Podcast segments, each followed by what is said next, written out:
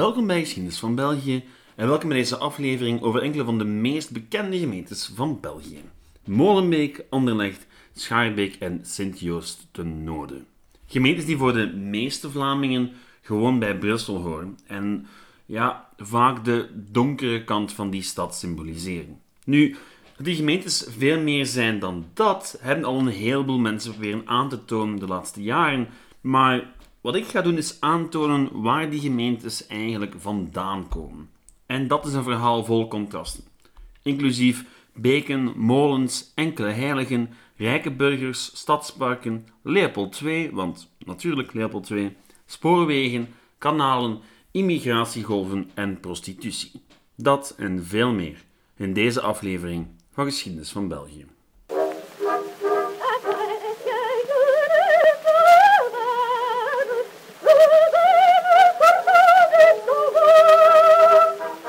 Laten we beginnen bij Brussel zelf. En daarmee bedoel ik de gemeente Brussel. Een deel van de geschiedenis van onze hoofdstad heb ik eerder al beschreven, maar ja, verder dan de 19e eeuw ben ik nog niet geraakt. En dat zal er vroeg of laat heus nog van komen, maar voor vandaag is het belangrijk om te weten dat Brussel eigenlijk niet bestaat. Toch niet één eengemaakt Brussel. Brussel is een lappendeken van gemeentes onder een regionale regering met beperkte bevoegdheden. Ook de Vlaamse regering, de Franstalige regering, de federale regering en de Brusselse regering hebben allemaal bevoegdheden. En dan nog eens al die gemeentes. Nu, enkele van die Brusselse gemeentes horen bij de grootste van België. Schaarbeek bijvoorbeeld, waar ik dit aan het opnemen ben, wel, Schaarbeek telt 133.000 inwoners. En dat zijn dan enkel de legaal ingeschrevenen. En daarmee is het al de zesde stad van België en groter dan pakweg Brugge. Wat op zich heel vreemd is, want tot de 19e eeuw was Schaarbeek weinig meer dan een gehucht, een, een landbouwdorpje in de buurt van de stad Brussel. En hetzelfde geldt voor Molenbeek, Anderlecht en vele anderen. Want de stad, ja, dat was Brussel. En de rest waren gewoon landbouwgemeentes waarvan de inwoners hun waren naar de stad brachten om er te verkopen. En vandaag zijn net die gemeentes enkele van de meest bevolkte en dichtst bebouwde gemeentes van België. De vraag van vandaag is dus hoe die middeleeuwse gehuchten uiteindelijk volledig opgegaan zijn in het Brussel van vandaag. Want geloof me vrij, als ik vandaag met de fiets van mijn appartementje in Schaarbeek naar mijn werk in Anderlecht rijd, dan doet niks vermoeden dat ik vier verschillende gemeentes doorkruis. Het lijkt gewoon allemaal Brussel voor een leek. En ooit was het ook allemaal Brussel. Grondgebied van de stad Brussel om precies te zijn.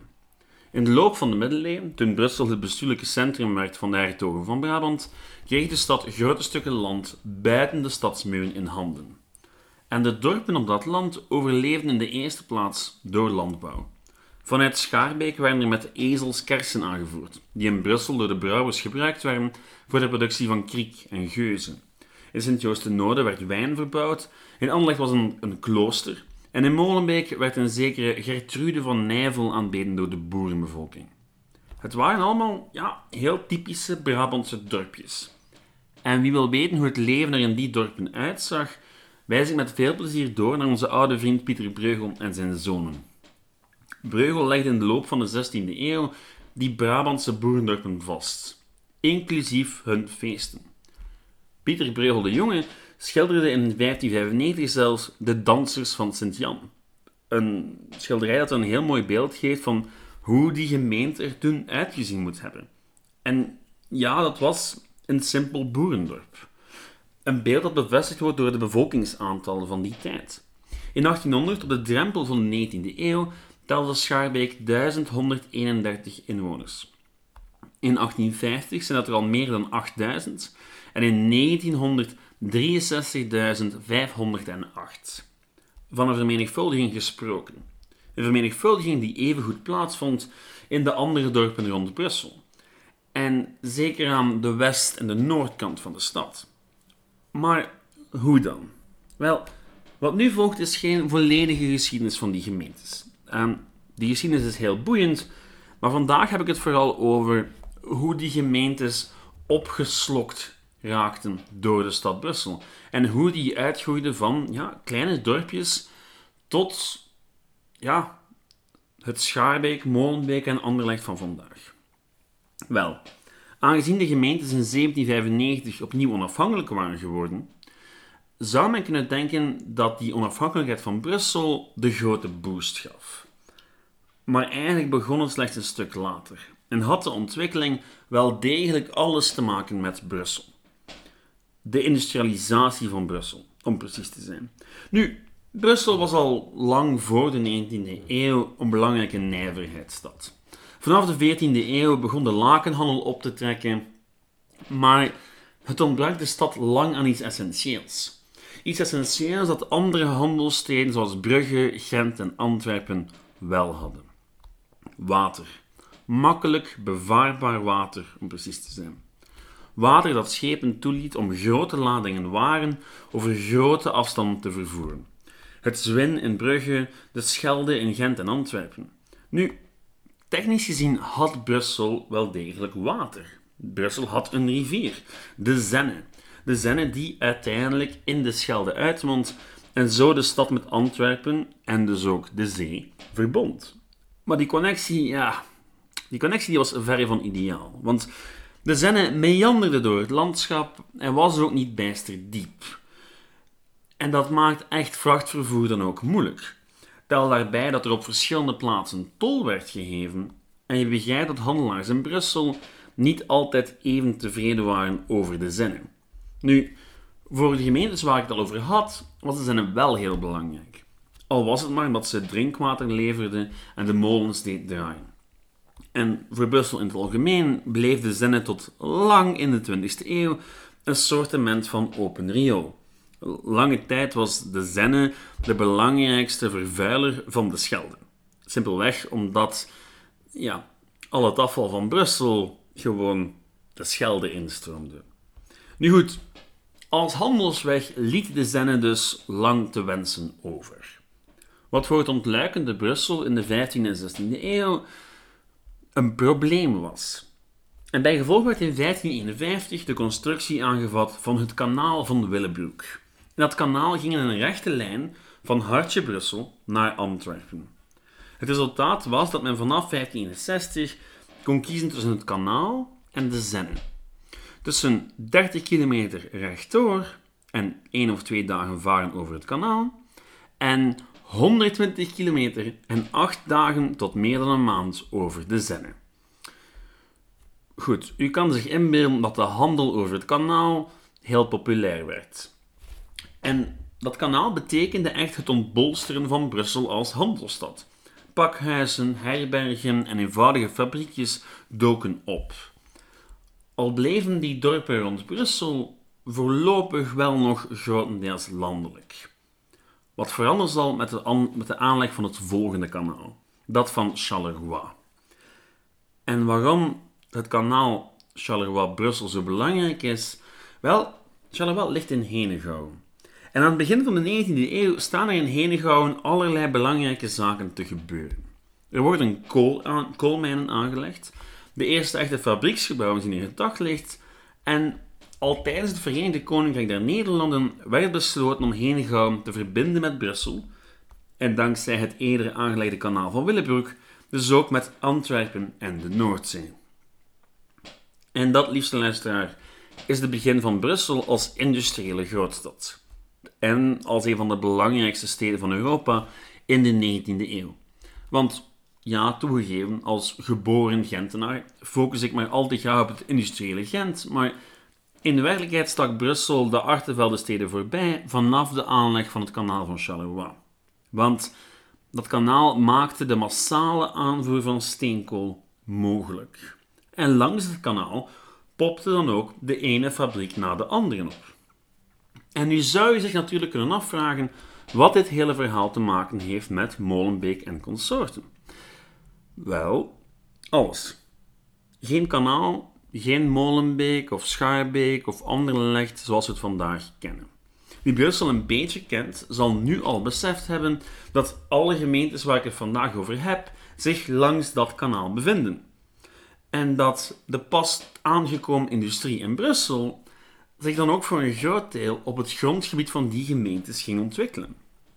En toen België de spoorweg eenmaal volledig omarmd had, moest het kanaal natuurlijk ook aangesloten worden op het spoorwegnet.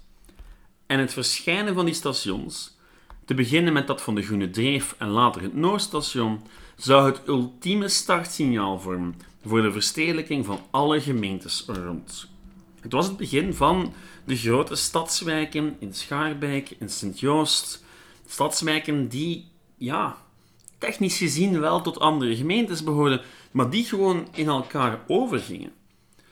En die wijk rond Brussel-Noord, die is wel veranderd met de tijd, maar het is eigenlijk vanaf dat moment dat je daar een bepaald soort bevolking gaat gaan vinden.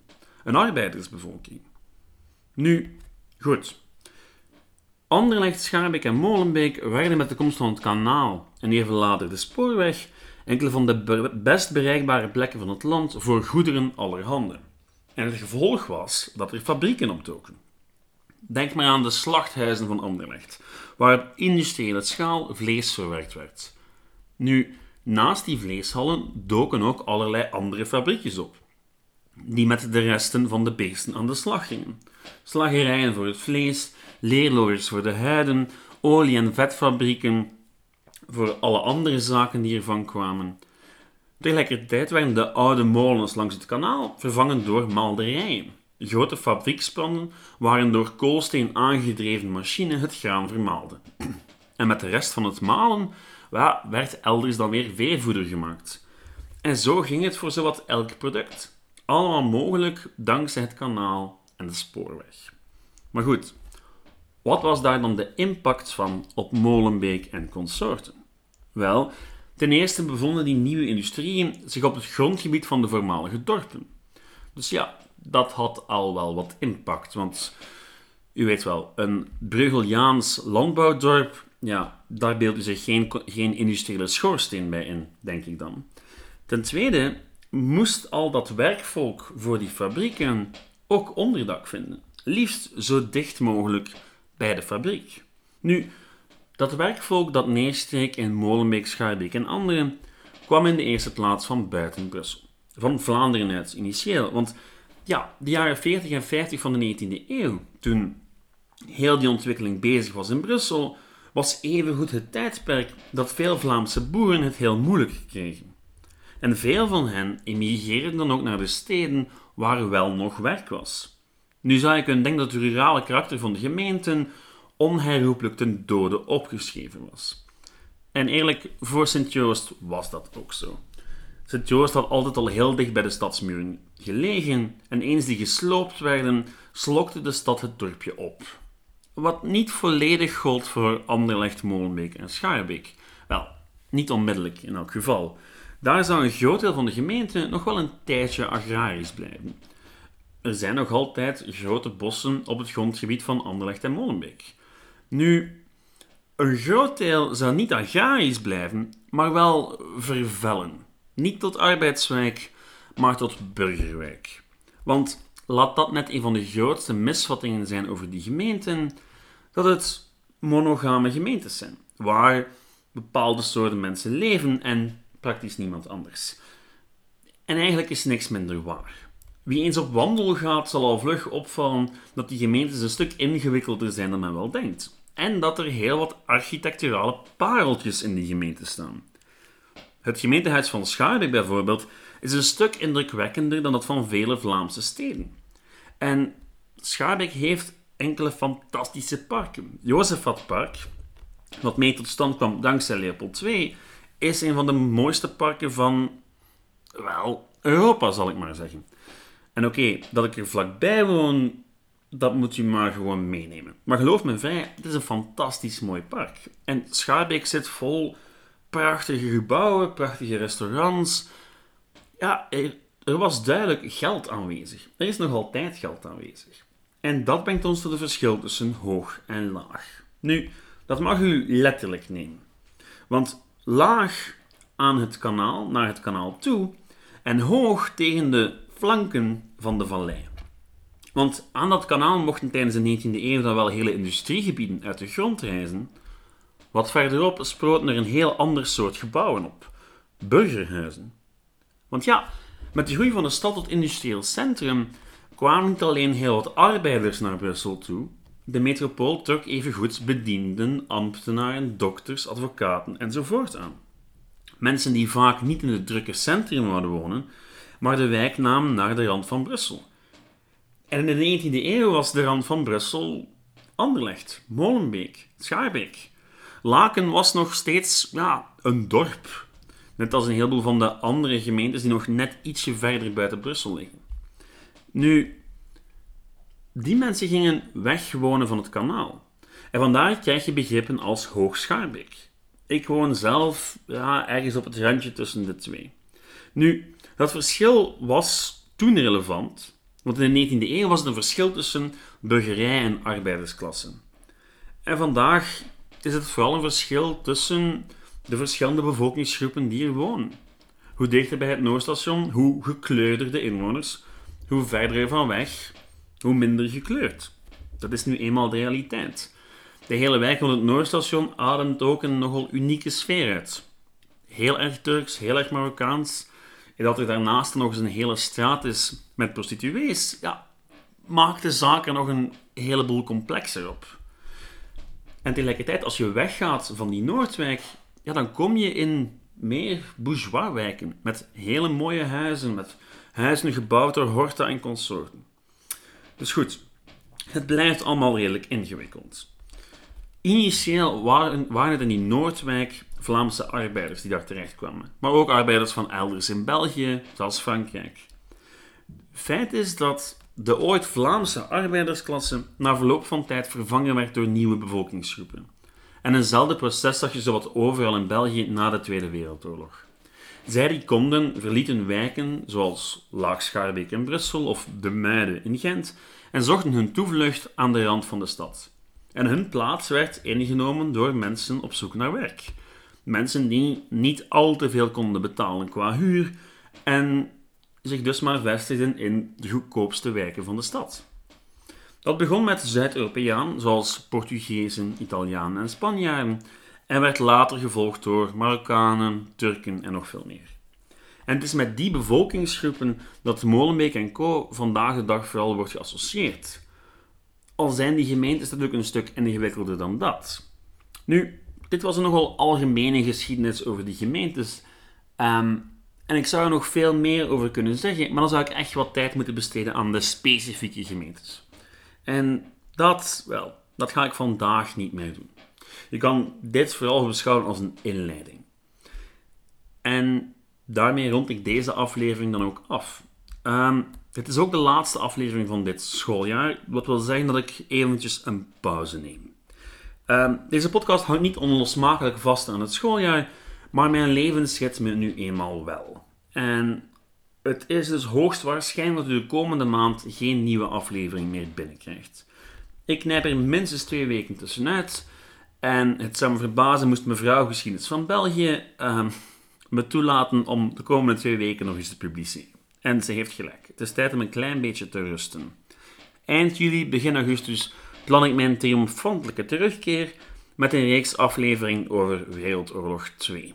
Die zullen zo'n vijftal afleveringen in beslag nemen, al dan niet afgewisseld met afleveringen over trouwen, voeding en andere alledaagse zaken. Oh ja, en Antwerpen, want blijkbaar kan ik Antwerpen niet blijven negeren.